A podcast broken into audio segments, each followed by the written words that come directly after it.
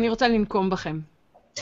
אנחנו בלייב. אנחנו בלייב ואני רוצה נקמה. את הנקמה שלי אני אשיג, יואב. ועל מה הפעם? לא, אתם אה. יודעים מה? תשכחו ששאלתי. שלום לכם! ברוכים הבאים בחללית! אתם צופים בחללית, תוכנית האינטרנט האינטראקטיבית. הדו-שבועית, שמספרת לכם על הדברים שקורים בחלל, על כל הדברים המגניבים שקורים. בחלל, גם אלה שקרן עושה להם. שמי יואב לנצמן, אני אה, מהנדס חלל, אני מהנדס ראש- ר- מערכת ראשי בעמותת Space.il. אני אה, כותב את הבלוג מסה קריטית ואת אה, דף הפייסבוק שנקרא-. שנקרא מסה קריטית, אה, ואני מרצה על חלל ועל אה, אה, דברים שקשורים לזה, אה, ומנחה תוכנית החללית. איתי בצוות, כן כן, היום ה-12 למרץ, אוף, אני צריך לזכור איכשהו להגיד את זה. תודה שאת פה. איתו בצוות. אית- איתי בצוות אה, קרן לנצמן, דוקטור קרן לנצמן, שהתפקיד שלה הוא להגיד לי, להגיד את התאריך. חוץ מזה, זה גם התפקיד שלי? לא, זה התפקיד שלי. נקמה, יואב, נקמה. מפיקת התוכנית. אה, אה, מומחית באפידמיולוגיה בבריאות הציבור, כותבת הבלוג סוף העולם, מבט מהיציע. כן, וזו שמספרת... בלוג בעל השם זה סוף העולם, כן, בעל השם האופטימי, סוף העולם מבט מהיציע, זוכת פרס גפן על ספרה של מים שבורים, קנו אותו. בבקשה. איתנו בצוות גם עופר מתוקי, דוקטורנט מהאוניברסיטה העברית, שלום עופר. מהתחום של אנרגיות אפלות וקוסמולוגיה, נכון? וגלקסיות. ו... ו- וכותב הבלוג, כותב יקום הב- אני רואה, ובעל דף הפייסבוק בעל אותו שם. היי עופר! היי עופר, ונמשיך ליעל הילמן, דוקטורנטית אהלן. מאוניברסיטת תל אביב, חוקרת סופרנובות מדגם. 1A. נכון מאוד. אני אוהב לקרוא לזה דגם. אה, כן. זה- אה. אם כבר- סוג, זה לא... כן. סוג, סוג 1A. זה יותר כן, מצחיק. ואין לה שום בלוג. ייי! לסופרנובה? לא, אבל יש- יש- יש עצומה. טוב. ואיתנו ו- איתנו גם דוקטור ויקטור צ'רנוב שבא והולך, אנחנו מקווים שהוא יצליח אה, לחזור אלינו. כן. הוא- הוא דוקטור. הוא הוא גם דוקטור ומדען אה, טילים, מהנדס... הנה ויקטור. מהנדס טילים ומומחה לדלקים אה, מוצקים ודברים דברים שמתפוצצים. שמתפוצצים, ויש לו בלוג, ו- אבל... ואנחנו ואנחנו מקווים שנצליח לשמוע אותך, ויקטור. אתה רוצה לנסות? אה, גם אני, גם אני. מצוין. היי דאד. יוסטון, we have a hearing. משהו. אוקיי. ואיתנו בתוכנית היום ספל. אז אנחנו הולכים לדבר היום על, אה, על הרבה מאוד דברים. דברים, על, זה, זה השבוע שבו טסים למאדים, שזה אה, מגניב. אה, ואז אנחנו נדבר על החללית שתטוס למאדים, על החללית שלא תטוס למאדים, ועל החללית שתטוס למאדים בפעם הבאה. כן, זה ממש כאילו אנחנו הנושא נספיק של... לדבר על תעלומה בירח טיטן, על אה, חור שחור סופר מסיבי, ממש סופר מסיבי, יותר מהסופר מסיביים האחרים שאנחנו מדברים עליהם בדרך כלל. הוא הכי מסיבי מכל הסופר מסיביים שסיפרנו את המסיביים שלהם. כן, ועל כמה דברים אה, נוספים. לפני שנתחיל, קרן תסביר לכם איך אתם יכולים להגיב ולשאול אותנו שאלות, אם מתעוררות לכם שאלות בעניין של הנושאים שאנחנו נדבר עליהם במהלך התוכנית. בבקשה, קרן. יודע, אני שמחה שיש לי עוד תפקיד בחללית. היום ה-12 למרץ. אם אתם רוצים לשאול שאלות את צוות החללית, יש לכם אחת מכמה דרכים לעשות זאת. אופציה א', לחצו פה למטה, כתוב Q&A, join the conversation, אתם לוחצים ואתם שואלים אותנו שאלה, ואז אנחנו עונים עליה, והשאלה נשארת לנצח בסרטון, וככה תמיד תמיד תמיד תוכלו לראות מה השאלה ששאלתם ומה התשובה שקיבלתם, ואם יהיה לכם מזל, תקבלו תשובה של נקמה. היום. סוג של מזל. יואב זה שקט. כל אוקיי. הילדים הקולים מקבלים נקמות בימינו. אוקיי. אם, אם אתם יש ילדים שצופים בזה. אני יכולה אוקיי, להמשיך, כן, תודה. בבקשה. אפשרות שנייה היא בעזרת דף הפייסבוק של החללית, יש כרגע שרשור שאלות שהוא כבר פתוח ואני כבר מסתכלת עליו, ואם יש לכם שאלות אתם מוזמנים לשאול שם, ואני אשמח לענות לכם, או להעביר הלאה. ואפשרות שלישית היא להשתמש בטוויט, תודה. ואפשרות שלישית היא להשתמש בטוויטר בעזרת ההאשטג החללית, עם ה' הידוע. שימו לב, בבקשה תשתמשו בה' הידוע, כי זה ההאשטג שאני מחפשת, החללית, ואתם מוזמנים לשאול אותנו גם שם. אבל שוב, הדרך הכי טובה היא בעזרת ה-Q&A פה. הסוף! תודה.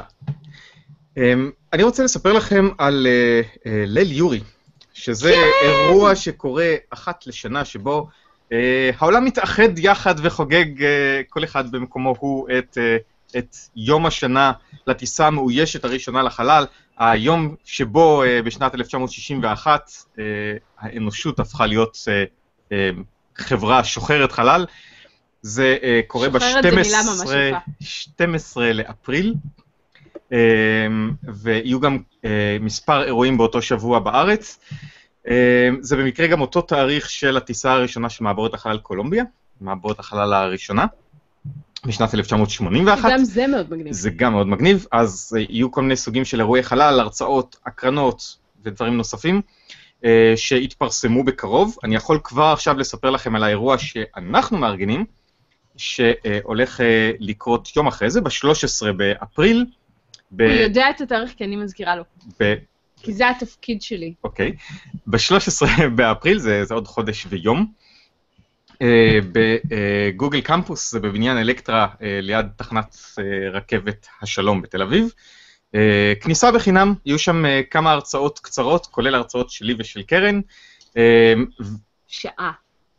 מה שעה? באיזה שעה זה מתחיל? זה מתחיל בשעה שמונה בערב, אה, שמונה בערב עד אה, עשר בערך, אה, ויש שם גם אה, כיבוד ושתייה ו- והמון מוזיקת חלל, ויהיו דברים ממש ממש מגניבים. הפלייליסט ממש מגניב. וכן, ותבואו, יהיה כיף, הכניסה כאמור בחינם, ו... אה, 13 באפריל, גוגל. קמפוס, שמונה בערב בתל אביב. נכון. ויהיו אמור, אמורים להיות גם אירועים נוספים בחיפה, בירושלים, ברחובות. אה, וברגע שנדע יותר אז נספר לכם עוד. נכון. ובואו נתחיל ממש בתוכנית. האייטם הראשון שלנו אה, קשור למאדים. מה? זה אייטם שלך. כן. יואב, אתה יכול לספר לנו על אז הסיפור שקשור פעם- למאדים? יום אחד, לפני שנים רבות. לא דווקא, פעם, פעם בשנתיים בערך, פעם ב-20 בעוד שנים רבות אולי. פעם ב-26 חודשים יש חלון הזדמנויות לשלוח חלליות למאדים במסלול שיהיה חסכוני משמעותית בדלק, ולכן פעם בשנתיים בגדול שולחים חלליות למאדים. השנה זה יוצא בחודש מרץ, ולכן אה, אה, היו הרבה הכנות לקראת אה, שיגור של שתי משימות אה, למאדים, על אחת מהן, אה, אחת מהן משימה שנקראת InSight, משימה של נאס"א שהייתה אמורה לחקור, את, לנחות על הקרקע של מאדים, אה, לחפור, אה, באדמה, לקדוח באדמה, למדוד טמפרטורות ו- ועם חיישנים אחרים למדוד את התזוזות של הקרקע באמצעות אה, אה, ססמוגרף ועוד אה, מכשירים נוספים. המשימה הזו, אה, כבר דיווחנו בעבר שנתקלה בקשיים שגרמו לה אה, להידחות. הי- היה איזה בעיה באחד משני המכשירים המדעיים המרכזיים, דווקא מכשיר תוצרת צרפת ולא מכשיר אה, אמריקאי. אה, שהייתה בו בעיה שלא הצליחו ל- לפתור בזמן, ולכן המשימה הזאת תצטרך לחכות עכשיו שנתיים. ואז אה, הסתבר שזה מציב בעיה מאוד מאוד קשה. אה, כל המשימה הזו, כל משימת InSight, זו משימה זולה יחסית למאדים, העלות שלה היא אה, בערך אה, בסביבות ה-470 מיליון דולר, אם אני לא טועה. זה נחשב זול למשימת מאדים. רק לשם השוואה, Curiosity, אה, זו משימה של 2.5 מיליארד דולר. וזה עדיין פחות אז- מתקציב משהו אחר בארצות הברית. כן, אבל לא על זה אנחנו מדברים עכשיו, כן. אז, אז משימה מאוד, אה, אה, אמורה להיות משימה יחסית פשוטה ו, וזולה, ולהעביר הרבה מאוד מידע חשוב מאוד אה, וחסר תקדים חזרה. אה, אז זה שנדחתה בשנתיים זה לא הבעיה הגדולה, הבעיה היא שעצם הדחייה גוררת הוצאות של בערך 150 מיליון דולר נוספים. אה, אה, כבר עכשיו אה, הטיל שהיה אמור לשגר אותה הלך למשימה אחרת, ו, ו, אבל צריך להחזיק אה, גם צוותים וגם לפתור את הבעיה שקרתה ו, ולעשות עוד כל מיני דברים שעצם השנתיים האלה גם עולים הרבה מאוד כסף, אז הייתה אה, שאלה מאוד גדולה, האם בכלל המשימה הזאת תגיע להיות משוגרת עוד שנתיים, או שפשוט יבטלו אותה, כי ה-150 מיליון דולר האלה באים על חשבון משימות אחרות שהולכות להיות בתקופה הקרובה. בסופו של אבל- דבר הייתה הודעה ביום רביעי אה, האחרון של, אה, של אה, JPL ושל נאס"א, שהמשימה הזו הולכת להתבצע בעוד שנתיים, הולכת לטוס, אה, שזה מצוין לנו, למרות שברור שיש לזה מחיר, אה, ואנחנו נדווח עליה בהמשך. משימה אחרת שכן יוצאת רגע, לדרך- זה- זה- זה המשימה הראשונה, אם אני לא טועה, במאדים שאמורה ממש לחפור, נכון? אז זהו, בעוד שנתיים תהיה עוד משימה שגם אמורה אה, לעשות משהו דומה, אז אני אדבר עליה עוד רגע.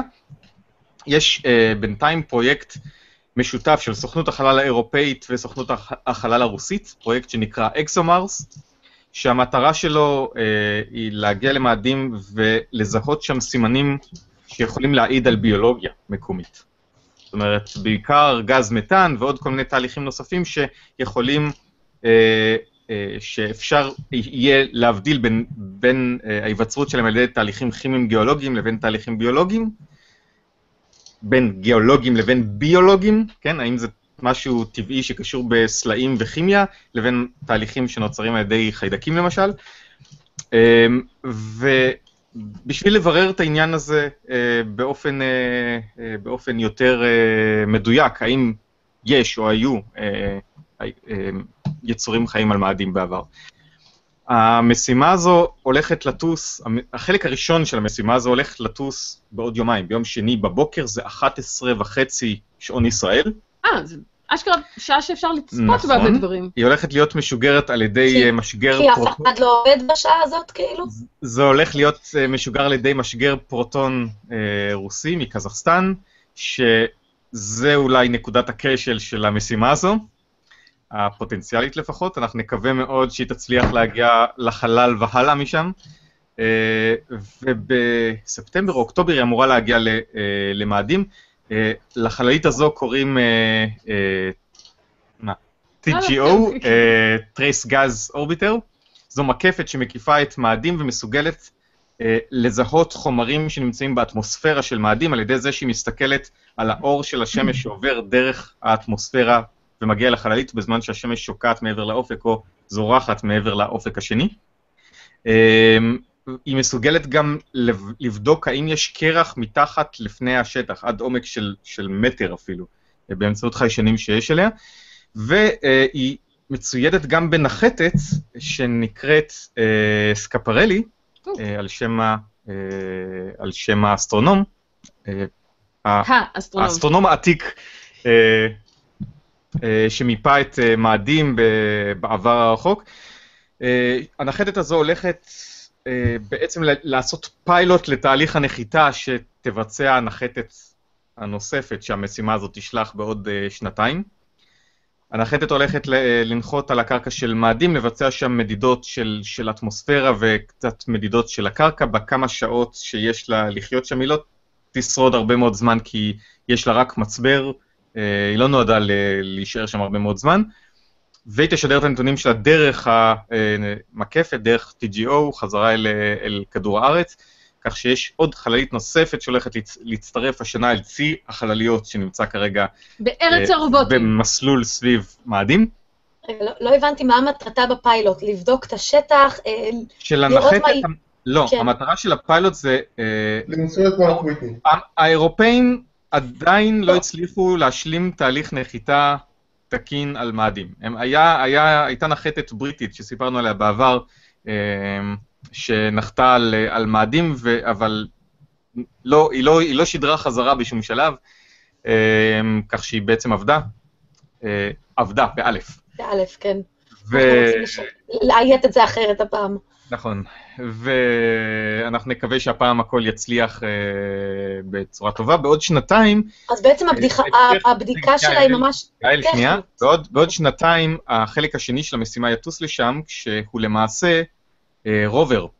זה הרובר הראשון שהוא לא אמריקאי שהולך לנסוע על הקרקע של מאדים. אה, כמובן התקשורת בינו לבין כדור הארץ גם יהיה דרך המקפת, כך שהוא חלק מאותה, מאותה משימה. ו, אה, וזהו, משימה מאוד מאוד מגניבה, מאוד יוקרתית, שהולכת באמת לבחון פרטים שקשורים לביולוגיה הפוטנציאלית אה, שיש על מאדים, ואנחנו אה, מאוד מאוד סקרנים לדעת מה, מה יהיו התוצאות של הדברים האלה, אז בשביל זה הם צריכים לצאת לדרך ולהגיע לשם קודם. רצית להוסיף משהו? לא, פשוט אני, אני הבנתי ממה שאתה אומר, שהנחתת, המטרה שלה זה, היא לא, היא בעצם לבדוק את היכולת שלהם לנחות, לא ממש מעבר לזה.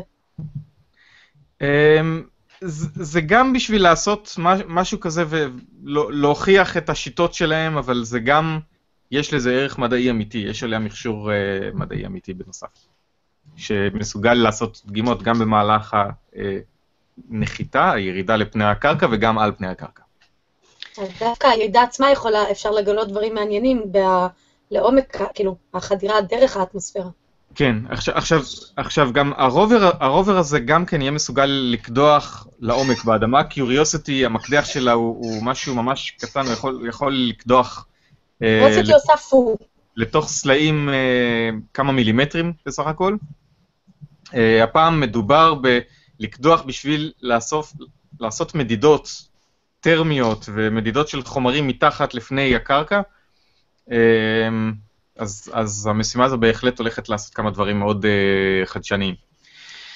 יש לנו גם שאלה... יש לנו את שאלתה של הסופרת המהוללת יעל פורמן, חביבת התוכנית. ואהובת uh, ליבי באופן כללי, אחרי שעשיתי את החדר בריכה ויצאנו ב-18 דקות. האם אפשר לנצל את הצוות הזה כדי להוסיף עוד משהו למשימה וכך להצדיק את ההוצאה הנוספת? Uh, התשובה היא שלא, הדברים שנמצאים במשימות חלל מתוכננים על פני שנתיים בערך, זאת אומרת, זה- לא, לא ניתן, כל דבר שיוסיפו עכשיו גם ישנה את, את המשקל ואת הפרמטרים האחרים של החללית, אז לא, לא עושים דברים כאלה, המשך זמן שיש להם עכשיו זה לא בשביל להתחיל לתכנן ולבנות, זאת אומרת, למ- למשל כשקיוריוסיטי נדחתה בשנתיים, הם למעשה פיטרו את כל הצוות. מה? לא ממש הייתה מה? אפשרות להחזיק אותה, כן, כי, כי זה, זה הוצאה מאוד מאוד גדולה. רגע, אבל הם לא העבירו אותם למשימות אחרות?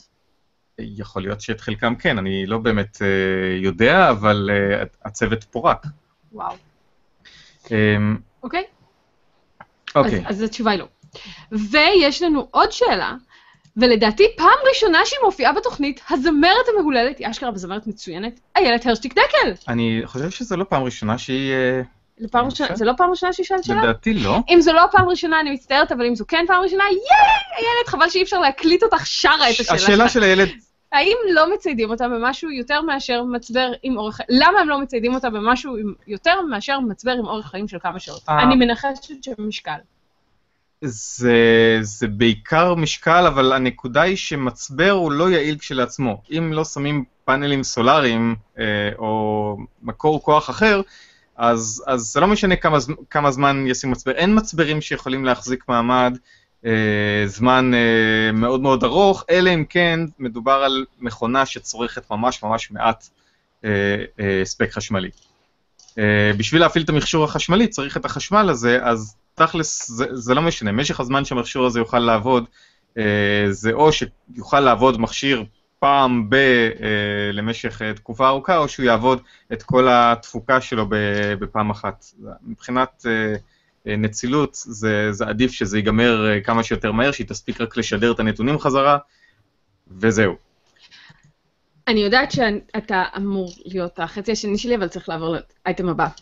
אוקיי, אז אה, נעבור לאייטם הבא.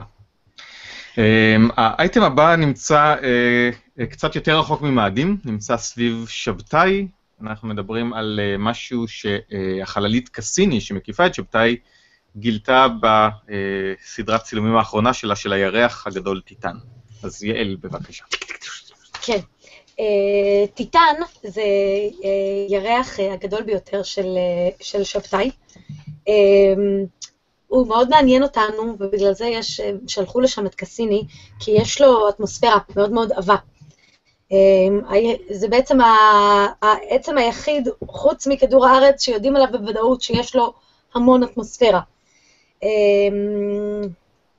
בנוסף לזה, יש עדות מוצקה לכך שיש אה, נוזלים, כאילו גופים של נוזלים על פני השטח. אמנם לא מים, אלא מתאן, אתן, כל מיני חומרים רעילים למיניהם, אבל בצורה נוזלית. והשילוב הזה של האטמוספירה והאפשרות לקיום אה, חומר נוזלי שם, אה, מוליד מזג אוויר שנורא דומה למזג אוויר בארץ, אה, בכדור הארץ, כולל, כולל עונות. וזהו, עכשיו, בגלל האטמוספירה האהבה הזאת, היה מאוד קשה לראות מה קורה על פני השטח. מה שאפשר את זה זה קסיני, שהגיע לשם ב-2004.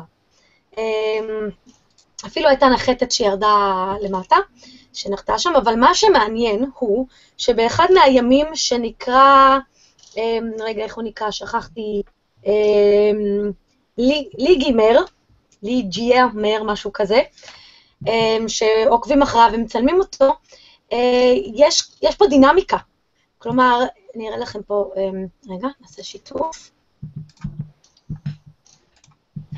אה, מה שאנחנו רואים כאן זה איזשהו אה, צילום של אזור מסוים, אה, זה, זה, זה תרגום לצבע, זה כן? נראה- זה נראה כאילו כתוב שם insert area. inset area, שזה בעצם, לא צריך להכניס לשם אזור, אלא זה מראה לך על איזה אזור אנחנו מתמקדים. האזור הזה של ה-inset area הוא משהו כמו 500 על 500 קילומטר, וזה מה שרואים בצד שמאל פה. אז רגע, שנייה, שנייה. ה- החלק הכהה זה החלק- זה האזור הנוזלי, נכון? כי זה צילום אה, זה, אמ, צילום מקם? אני חושב. כן, כן, זה, זה רדאר, כן. זה כן. צילום מקם, ואז ואז ואז אזור נוזלי מתרגמים את זה לצבע. הוא שטוח, ואז הוא לא מחזיר את ה- את ההדים של המקם, ולא- ולכן הוא יוצא שחור. אוקיי, נכון. אבל מה שרואים כאן, מה שמנסים להגיד כאן זה אם נסתכל בצד, יש כאן מלמ... בצד ימין אצלכם? שמאל? שמאל. בלבלתם אותי? שמאל. אמ, אז מלמעלה למטה יש כאן על פני שנים, על פני הת- התקדמות בזמן, ואפשר לראות את זה ב-2007, ואחרי זה 2013, ו-2014, ו-2015, יש פה, התמונות נראות שונות כל פעם. כלומר, יש כאן דינמיקה, משהו קורה, משהו משתנה. עכשיו, אמרנו שזה ים וזה נוזלי, אז כנראה שיש תנועתיות. יש להם כמה אופציות מה זה יכול להיות, אבל האופציה המנצחת זה שזה פשוט גלים. Um, היו תיאוריות של uh, גלים uh, קטנים בגובה של מטר, שנעים במהירות של מטר אחד לשנייה בערך, ככה מתוך חישובים במודלים הגיעו למסקנה כזאתי. Um, התמונות האלה מראות שכן, ש, שמאוד יכול להיות שזה פשוט גלים בים. Um, מה עוד? אמ, יש, אה, היה סיכוי טוב שנראה דווקא גלים עכשיו, בגלל שבדיוק הוא יוצא, משנה עונה.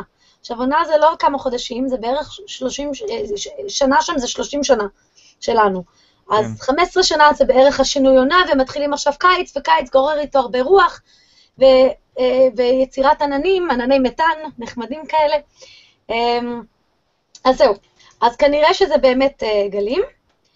אמ, והם מצפים בקוצר רוח לסיבוב נוסף של קסיני ב-2017 כדי לצלם עוד פעם את האזור הזה, שאחרי זה קסיני פשוט אמ, ייפול לתוך האטמוספירה של שבתאי וירד אל מותו.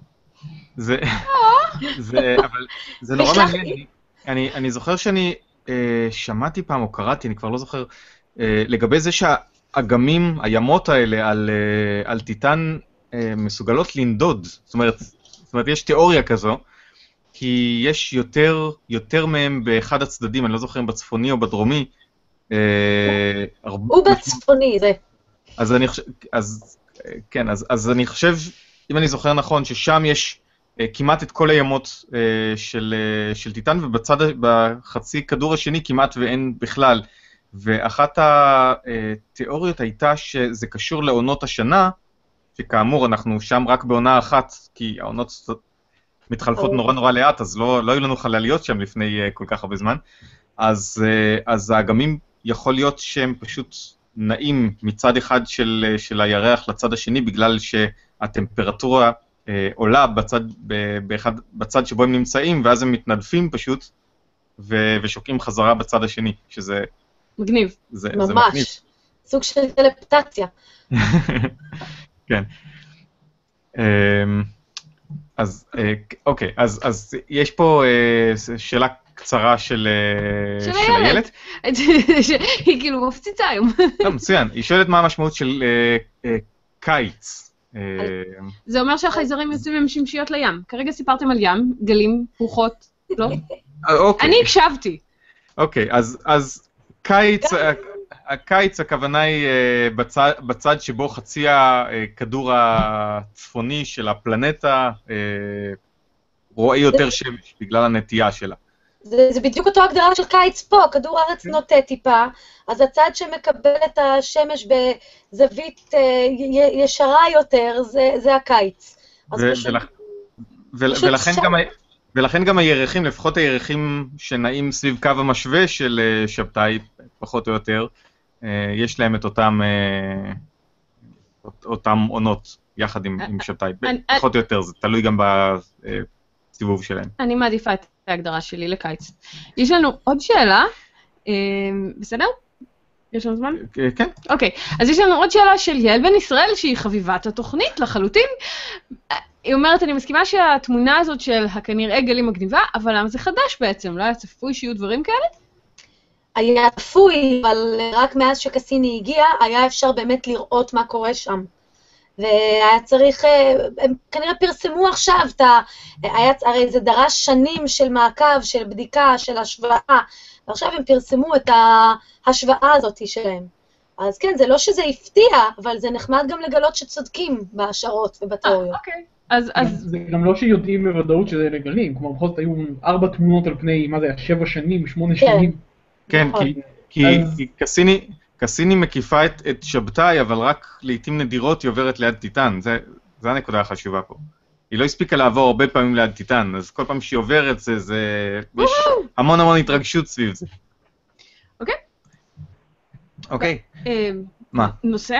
כן. הב לי נושא, יואב, בואו נדבר על נושא אחר. אז אנחנו כבר דיברנו פה ושם על, אה, על חורים שחורים אה, עצומים בגודלם. זה- כן. ועופר הולך לספר לנו על משהו חדש לגבי חור שחור מסוים מאוד זה, מסיבי. זה, אני חייבת לזה, לפני שאתה מתחיל לדבר על החור שחור הסופר סופר סופר מסיבי, זה מזכיר לי בדיחות your mama מרוב ה... הוא לא, הוא עוד יותר גדול מה... נעבור לעופר. נעבור לעופר. לך על זה, עופר. כן. אז, your black אה, is so mad. ילדים. אז כבר דיברנו בעבר על אה, חורים שחורים סופר מסיביים, שאלה חורים שחורים שיושבים אה, במרכז של גלקסיות ומתפתחים לאורך שנים, ל... יכולים להגיע למסות אה, מאוד מאוד מאוד גדולות. אה, הזאת, אז יש לנו במרכז הגלקסיה היא בערך 4 מיליון אה, מסות שמש. אז הפעם אנחנו מיליון מדברים על... מסות שמש. כן, משהו כמו 4 מיליון. וזה, וזה, לא, ש- לא, ש- שנייה, שנייה, זה, זה, זה מפספס את הפואנטה, כי זה לא חור אה, שחור סופר מסיבי גדול. רגע, מה אמרת? זה- ארבעה מיליון מסות שמש? החור החור השחור של מרכז הגלקסיה שלנו בערך 4 מיליון מסות שמש. ו- וזה שאתה מדבר עליו עכשיו? וזה שאני הולך לדבר עליו עכשיו הוא אחד מהגדולים, אחד מהכי גדולים שראינו. אה, זה, אה, הוא בערך ב- במסה של 18 מיליארד מסות שמש. משמעותי. הוא כאילו, your כן. super massive black hole. כן. הוא. גלקסיה, כאילו. עכשיו, זה בפני עצמו אה, אה, לא משהו חדש, ראינו, אותו כבר אנחנו מכירים זמן מה, ו, אה, ואנחנו מכירים גם אה, חורים שחורים מסיביים יותר. מה שמיוחד בו זה שא' יש לו אה, דיסקת ספיחה, ולכן הוא בשלב הפעיל אה, של אה, מה שנקרא אה, גרעין גלקטי פעיל. עופר, שתי שתי מילים על מה זה דיסקת ספיחה.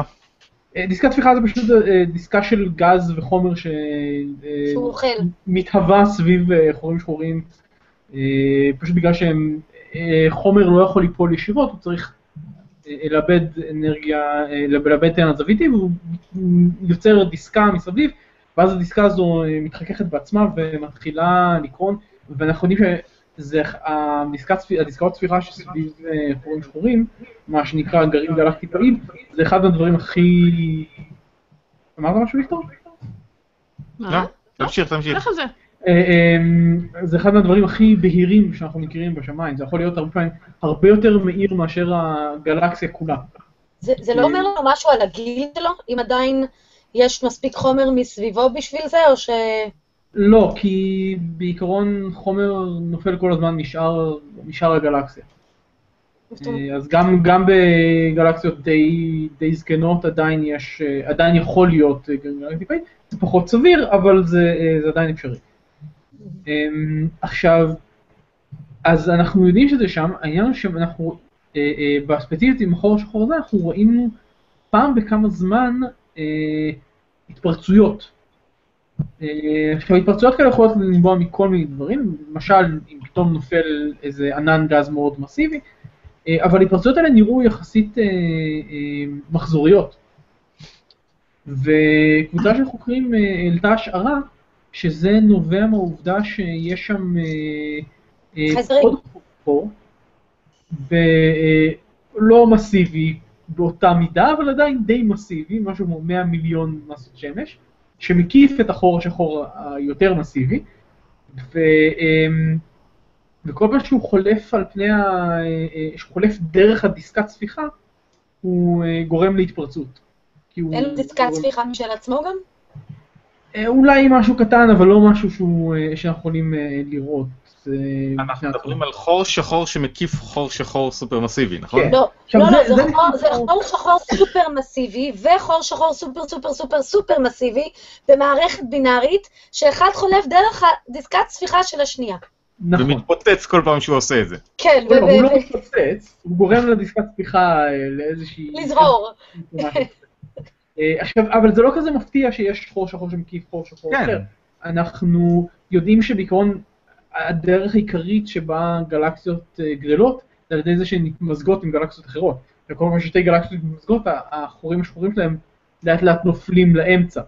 ובסופו של דבר מגיעים למצב שהם מקיפים אחד את השני, ואולי אפילו אה, אה, ממש אה, מגיעים לשלב שהם, אה, שהם נבלעים אחד בשני, שאחד נבלע ואז בשני. ואז יהיה גלי כבידה. ואז יש גלי כבידה, אבל זה מאוד נדיר. אמ, אז, אה, אז אם היה שם איזשהו אה, חור שחור מהתמזגות של, אה, קודמת של גלקסיה, ואחרי זה הגיע גז מכיוון אחר, שהוא כבר לא באותה, באותו כיוון שה, שהחור השחור מקיף את החור השחור הגדול יותר, אז יכולה להיווצר דיסקת ספיחה שהיא מאונחת, או באיזושהי זווית למישור של, ה, של ההקפה.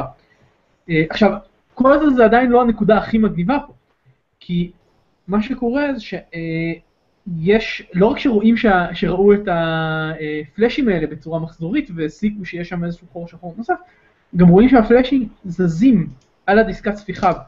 עכשיו, אה, אה, וזה אומר שבעצם המסלול של ה, אה, המישור של הסיבוב, של החור השחור הקטן יותר, הוא מסתובב סביב החור השחור הגדול. וזה הדבר שיכול לנבוע מזה שהחור השחור הגדול יותר מסתובב סביב עצמו במהירות די גדולה. זה מה שנקרא אה, חור שחור קר, אה, חבל שיש לנו פה את בועז שיכול להסביר אה, בצורה טובה יותר, אבל בגדול חור שחור שמסתובב, הוא גורם למרחב סביבו להסתובב, הוא גורר איתו את המרחב וגורם לו להסתובב, ולכן... קראת אה, את זה? חור שחור קר? כן. זה זה מטריקה מסוימת, מי שמבין מה פשוט אומר זה פשוט אומר שהחור השחור גם מסתובב, ואז זה גורם ל- ל- לגרירה של המרחב מזה, וזה בעצם גורם לחור השחור הקטן יותר להיגרר ולמסלול שלו להסתובב. זה זה וזה, מדהים. זה ממש מדהים. באמצעות המודל הזה הצליחו ממש לחשב את המהירות הסיבוב של החור השחור הגדול. ו- זה באמת באמת מגניב. די מהר מן הסתם. רגע, אה, אז כמה- כן, כן. אה, אז כמה משהו מהר? כמו שליש מהמהירות. המקסימלית שהוא יכול. כן. זה אז כן. מגניב נורא. זה, זה... ומה המחזוריות של החור השחור שמקיף אותו? כי היא גם אמורה אה, להיות די גבוהה. זה יחסית, כן, זה יחסית אה, אה, תדיר, זה, הוא עושה הקפה פעם ב-12 שנה בערך, מה שאומר שיש לו, אבל המסלול שלו הוא מאוד אליפטי, אז יוצא ש... רגע, נראה לכם, נראה תמונה. אז יוצא, שאם אפשר לראות את זה, החור השחור באמצע אה, זה החור השחור הגדול, רואים את המסלול של החור השחור הקטן יותר בדיסקת הספיחה, והמסלול הוא מאוד אליפטי, אז יוצא שבעצם יש אה, שני הבזקים בהפרש קצר יחסית, אה, ואז עוד בערך 12 שנה בין, עד ההבזק הבא. טוב, זה... תשמע, זה ממש מגניב שאנחנו מסוגלים בכלל להבחין בדברים כאלה. כן. אה, כן, כן, זה, יש לנו יכולות מאוד אה, מרשימות, כמו שאמרתי, זה גם דברים מאוד מאוד בהירים, אז כל באיזה מרחק זה מאיתנו בערך? רחוק, אני לא זוכר בדיוק, יש משהו כמו 300 מיליון שנות אור, כאילו, מה זה רחוק? יחסית קרוב, אבל זה לא קרוב, לא, זה... סביבה ממש קרובה. זה... כן. איזה- לא, איזה גלקסיה זה? לא לא משהו מוכר? אני לא זוכר. משהו אה, רחוק. כן. לא, זה בטוח מוכר, כי אם רואים את זה... סליחה, זה לא של- לא 300 מיליון, שלושה וחצי מיליארד. אני-. אוקיי, זה לא, זה רחוק. ממש. כן. זה די רחוק, כן. אוקיי. בעקבות, מה? בעקבות שאלה מהצופים בפייסבוק, אנחנו לא רואים תגובות ביוטיוב, בבקשה אל תגיבו על הסרטון במהלך התוכנית, אין בעיה שתגיבו אחר כך, כאילו, אתם מוזמנים לכתוב מה שאתם רוצים. אבל אם אתם רוצים לשאול אותנו שאלה, הדרך לעשות את זה היא או דרך דף האירוע בפייסבוק, או בטוויטר בעזרת ההאשטג החללית, או בעזרת ה-Q&A כאן. אנחנו לא יכולים לראות תגובות בזמן ההקלטה דרך יוטיוב, בגלל שינוי של יוטיוב, שאין לנו שום בעיה עם זה יוטיוב, אבל לזה אנחנו אוהבים אתכם. אין לנו שום שליטה. אז- אנחנו לא יכולים לראות אותם, אז אני מתנצלת. אז אם היו לכם שאלות, בבקשה תעבירו אותם או לפייסבוק, או ל-Q&A, או לטוויטר. כן, כן, אמ, אנחנו נעבור עכשיו אל, אל ויקטור, שיספר לנו על מעלליהם של חיל האוויר האמריקאי. מה הם עשו עכשיו, ויקטור? מתחיל כאילו שקרה משהו. רע, לא, כן. קרה משהו טוב, חיל האוויר האמריקאי אה, שופך כסף. אה, לא, האמת היא שדי הרבה. חיל האוויר האמריקאי העביר אה, לפחות 162 מיליון דולר לשתי חברות. אה, אחת מהן איירוג'ט רוקדיין והשנייה היא אה, בלו אוריג'ין. סליחה, זה לא 162, זה 162 הלך רק לרוקדיין, ובלו אוריג'ין קיבלו פחות, הם קיבלו אה, 40, 46, 47 מיליון דולר, והסכומים האלה נועדו אה, להמשך פיתוח אה, מנוע פחמימן אה, אה, חמצן, אה, שיחליף את המנוע הרוסי שכרגע משתמשים ב, אה, לש, לשיגורים אה, של חלק מהטילים, RD-180 שהאמריקאים לא, במשך הרבה מאוד שנים לא הצליחו לפתח. אה, שוב להבין, מנועים רקטיים צריכים, לוקחים איתם דלק ולוקחים איתם מחמצן אה, ושורפים אותו ביחד. אה, וכשאנחנו מדברים על אה, טילים נוזליים שעולים לחלל, אה, היום מדובר בעיקר בשתי סוגים. אחד זה אה, שבהם הדלק הוא מימן, ולזה לאמריקאים יש אה, אחלה מסורת מאוד ארוכה של אה, טילים שעובדים טוב והם יודעים לעשות את המנועים האלה טוב, וה- והטילים והסוג הטילים השני זה שעובד על פחמימן כלשהו, כלומר או קרוסין, אמ, כלומר איזשהו דלק שיש בו פחמן ומימן בדרך כלל יש לנו כל מיני דלקים שונים ושונים, מה שיש לכם באוטו, הדלק שיש לכם באוטו הוא פחמימן. בנזין לצורך העניין, גם סולר. אמ, ופחמימן עם חמצן, אמ, ואת זה האמריקאים יודעים לעשות קצת, לצורך העניין SpaceX משגרת את זה, אבל הם לא יודעים לעשות את זה בגדול וטוב כמו הרוסים, ובגלל זה הם קונים את המנועים RD180 מהרוסים, והם אה, מתקשים להבין איך הרוסים מצליחים להגיע לביצועים טובים. אה, שהאמריקאים- הבעיה היא- רק עם מנועים ממש גדולים, נכון? כן, כן, כן. הבעיה היא מנועים גדולים וכבדים שמספקים, אה, RD180 מספק, אם אני לא טועה, משהו כמו אה, 500 טון דחף, משהו כזה. אה, הם מספקים, זה- יוצא 800 אלף pound force. כמה זה בקילו? אני לא זוכר. אני חושב שצריך לחלק בשתיים בערך. כן. כן. אה, אה, מה שקורה זה שאמריקאים אמרו, אה, משהו לא בסדר כאן, במיוחד אחרי שהרוסים הציעו להם ל- לטוס לחלל עם טרמפולינה. אה, אמריקאים עליהם. ככה, כן, אנחנו זוכרים את זה. אמריקאים ככה לקחו את האיום ברצינות, למרות שהרוסים ממשיכים לספק להם את המנועים. אה, האמריקאים לקחו את האיום ברצינות והתחילו אה, לשפוך כסף על מנועים. ונכון להיום יש שתי חברות שמפתחות את המנועים. כמו שאמרנו, יש את אירוג'ט, שהם מפתחים מנוע קרוסין, אה, כקרוסין חמצן מן הסתם, אה, שהם הם אמורים, הם מפתחים מנוע קטן יותר מ-RD 180, הוא נותן 500, ב- ב- בערך 500 אלף pound force, אבל הם פשוט ישימו שתיים כאלה על חללים. אה, למנוע הרוסי יש שתי נחיריים, אז אה, תכלס, זה אה, טוב, זה רע, זה באמצע? לא, זה לא, זה, זה, זה פשוט קונפיגורציה שונה קצת, זה, זה, זה, זה, זה, זה לא טוב ולא רע. Blue Origin חברינו, שהם אה, שעשו נחיתות ושאנחנו דיברנו עליהם כמה פעמים, מפתחים מנוע שנקרא BE4 לצורך העניין, שאני מניח שזה קורה, שזה בלו אנג'ין 4, אה, זה ראשי תיבות, זאת ההנחה שלי, אני לא, לא בדקתי אם זה באמת ככה. והם מנסים אה, לעשות מנוע גדול אה, שעובד על מתאן נוזלי. אוקיי? או, חיכיתי שזה יגיע. יש בטיטן. שזה... מה? לא, יש- יש הרבה עניין בדלק מתאן. לא, אמרתי, יש בטיטן. אה, יש גם עידן, נכון, אבל זו בחירה קצת מוזרה של דרך, אני חייב לציין. זה לא משהו שנעשה עד היום.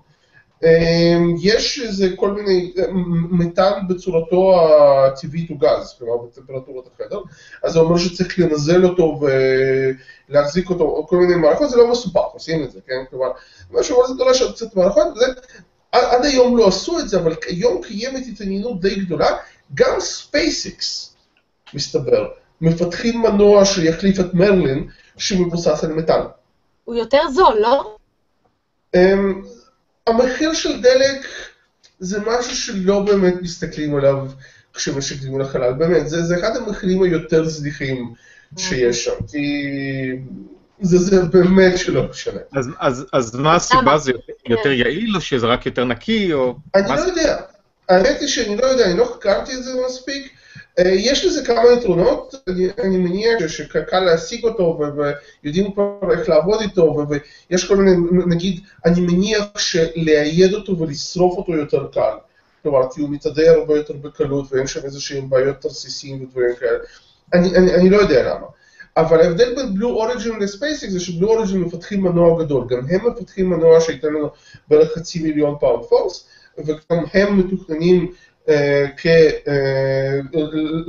לעבוד כשתיים. מה שיפה בכל הסיפור זה שהם אשכרה עובדים על זה, כולם. כלומר, א', חיל האוויר האמריקאי כבר מתחיל לתת הרבה כסף, כי בהתחלה תמיד נותנים איזה כמה מיליונים, שזה נשמע הרבה, אבל בפיתוח מנועים זה באמת כלום, זה, זה איזשהו קונספט ראשוני, איזושהי התחלה, אבל פה אנחנו מדברים על זה ש Aerojet קיבלו יותר מ-150 מיליון דולר, בלו אוריג'ין מקבלים פחות, אבל בלו אוריג'ין גם מראש אמרו, אנחנו הולכים לפתח את זה לבד. אז הם, החלוקת סיכונים שם קצת אחרת. אה, ושניהם מבטיחים, אירוג'ט מבטיחים שהמנוע יפעל ב-2019, שזה אוטוטו בזמן מנועים, בזמן פיתוח מנועים, ושהשיגור הראשון יהיה ב-2020. זה, בלו אוריג'ין מבטיחים אפילו שנה לפני, כלומר 2018 סיום פיתוח, 2019 שיגור, אה, ובלו אוריג'ין כפי שאנחנו ראינו עושים עבודה נהדרת, ככה שאני מחזיק אצבעות ואני מקווה שהם, אה, שהם אשכרה יממשו את זה. אה, כל ההתפתחות הזאת, אנחנו דיברנו על זה קצת, אני חושב לפני שנה, שנה וחצי, ואני ככה העליתי אז קצת ספקות, כי אמרתי זה מעט מאוד זמן לפתח מנוע ודברים כאלה, אה, מסתבר שאנשים עובדים על זה. ומסתבר שזה רץ קדימה, ויש פה עוד איזושהי השפעה שהיא מאוד מעניינת של מייקרו לתעשיית החלל הרוסית, ש-RD180 זה מקור כסף מאוד לא קטן בשבילם ומאוד משמעותי. מסתכלים עליו. עכשיו, עכשיו גם בלו אוריג'ין הביעו בעבר אה, אה, את הרצון לעשות דברים שהם יותר ממה שראינו אותם עושים אה, עד עכשיו, אה, יפה מאוד, שזה טיסה תת-מסלולית. הם מתכננים הרבה יותר גבוה מזה. כן. אז אני מניח שמבחינתם לפתח מנוע גדול וחזק יותר זה לא רק בשביל למכור לחיל האוויר האמריקאי. אני אני מניח שכן, אני, באמת שקשה לי לציין, אבל זה, מה שיפה בבלו רולד, אני, אני- באמת שלא יודע, הם לא מכריזים על שאיפה, הם, כשהם התחילו לפתח את המנוע הזה ב-E4, הם התחילו לפתח אותו מזמן, הם התחילו לפתח אותו ב-2011, אבל רק ב-2014 הם בכלל אמרו משהו שהם עושים. כלומר, הם בכלל לא הכריזו עליו, הם חברה מאוד חשאיסטית, מהבחינה של, הם, אני לא יודע אם הם שומרים בסוד ובמכוון, אבל אין להם את ההייפ של SpaceX, הם, הם להפך, הם קודם עושים משהו ואחר כך הם מתחילים ככה להיכנס להייפ, אז אני לא יודע. מה שכן, אנחנו מדברים כאן על חברה פרטית שמפתחת שני סוגי מנועים שונים. כלומר, מנוע פחמימן מימן, פח- פחמימן ומנוע מימן זה שני מנועים שדורשים גישה שונה וטכנולוגיות שונות ותשתית שונה, אה, ואנחנו ראינו שבבלו אוריג'ין יש גם את זה וגם את זה. וזה מרתק, אני חושב. זה, זה ממש הולך להיות מעניין כמה שנים טובות, מנועים חדשים, אני מאוד מקווה שזה ילך להם טוב, וזה הולך להיות מאוד מעניין. עכשיו, היה עוד משהו שקשור למנועי RD180 הרוסיים, וזה אה, אה, המשגר Antares שהתפוצץ בגלל תקלה במנוע כזה, נכון? ב-2014. אה, כן, אבל הם, אבל עקרונית RD 180 מאוד אמינים. חיל האוויר האמריקאי לא, לא, לא הרבה. השאלה, שלי, האם גם ה Antares של, של חברת Orbital Sciences הולכת אה, לכיוון של... לא, אבל ארטרס התפוצץ לא בגלל ארתי 180. זה לא היה הסיבה? לא, לא, לא, לא, לא, אנטרס התפוצץ, אמ, הוא, הוא, לא, אנטרס התפוצץ בגלל מנוע שהוא בן 30 שנה או משהו כזה, או 40 שנה, זה מנוע שקורלוב במקור פיתח עבור טיסות, ל- לחלל- טיסות כן. ל- לירח, וזה לא נעשה על פי שרטוטים של, של קורלוב, אלא זה המנוע שהם בנו, אחד המנועים שהם בנו אז. אז זה שזה שיגר להם פעם אחת בלי להתפוצץ זה כבר סוג של... אוקיי, טוב. אה, אנחנו נעבור לעוד אה, אייטם אה, קצר אה, לסיום. אה, עופר, אה, לגבי אה, פרץ רדיו מהיר. אה, נכון. כן, דיברנו על זה קודם, למעשה, לקרוא לזה פרץ ההתפרצות. בדיוק, פרצי במקרה הזה. אה, דיברנו על אוקיי. פרצי, רדיו מהירים בתוכנית הקודמת, אה, אז הפעם יש רק עדכון קטן, לא, לא לגבי הפרץ שמצאו פעם שעברה, רגע, אה, רגע, אה, תקציר קצר למי שלא היה בפרק שעבר. אה, אז פר, פרטי רדיו מהירים זה אחת התופעות המעניינות וה, אה, והמוזרות באסטרופיזיקה היום.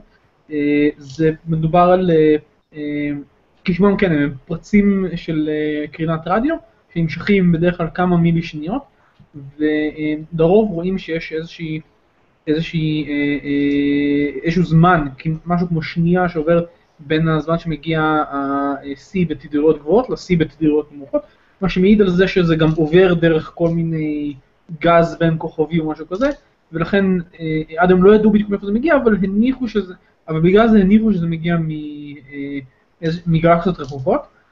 בתוכנית הקודמת דיברנו על זה שמצאו ממש מקור של אחד מהפרצים האלה, שזה באמת היה בגלקסיה רחוקה. אה, הפעם אני אה, רוצה לדבר על זה שקבוצה של חוקרים עברה על, עברה על מידע שהגיע מטלסקופ אה, ארסיבו, שזה מצפה ארסיבו, שזה אה, הטלסקופ הענק והמדהים הזה, שנבנה בלוע של הרגש, אה, אם אני זוכר נכון. והם פשוט עברו על המידע שהשתחרר עכשיו, מה שהגיע משנת 2015, והם גילו להפתעתם שיש פרץ נוסף שלא הוא קודם, ושהפרץ הזה הוא לא פרץ אחד, אלא למעשה משהו כמו שלושה ארבעה פרצים מחזוריים, בהפרש של אה, אה, כל אחד באור- באור של משהו כמו עשר אה, מילי שניות, ו, וזה מאוד מגניב, כי זה אומר שלפחות הפרץ הזה לא היה יכול לנבוע מאיזשהו אירוע קטסטרופלי. דיברנו פעם שעברה על זה שלא יודעים בדיוק מה של, מה המקור של פרצי רדיו מהירים, ושיש כל מיני השערות, אחת מההשערות החזקות זה של אה, איזשהו אירוע קטסטרופלי, משני אה, כוכבי ניוטרונים שמ- שמתמזגים או משהו בסגנון הזה. אה, אז פרץ כזה לא יכול, או לפחות מאוד לא סביר שאם בא מאירוע קטסטרופלי כזה, כי אז לא ברור מאיפה, למה, למה שיהיו שלושה כאלה ברצף, בצורה מחזורית. כאילו, איפה, איפה, איפה, מאיפה מגיע עוד, עוד פרצויות אם, הכוכב כבר יתמזג. אז אה, אה, זה מאוד מגניב, וזה מוסיף עוד מידע לתופעה המאוד לא מובנת הזו, ונקווה שזה יוסיף, אה, יאפשר להבין עוד על ה- על הנושא. אז מה שאתה אומר בעצם זה שזה חייזרים. כמובן, אבל זה תמיד ככה.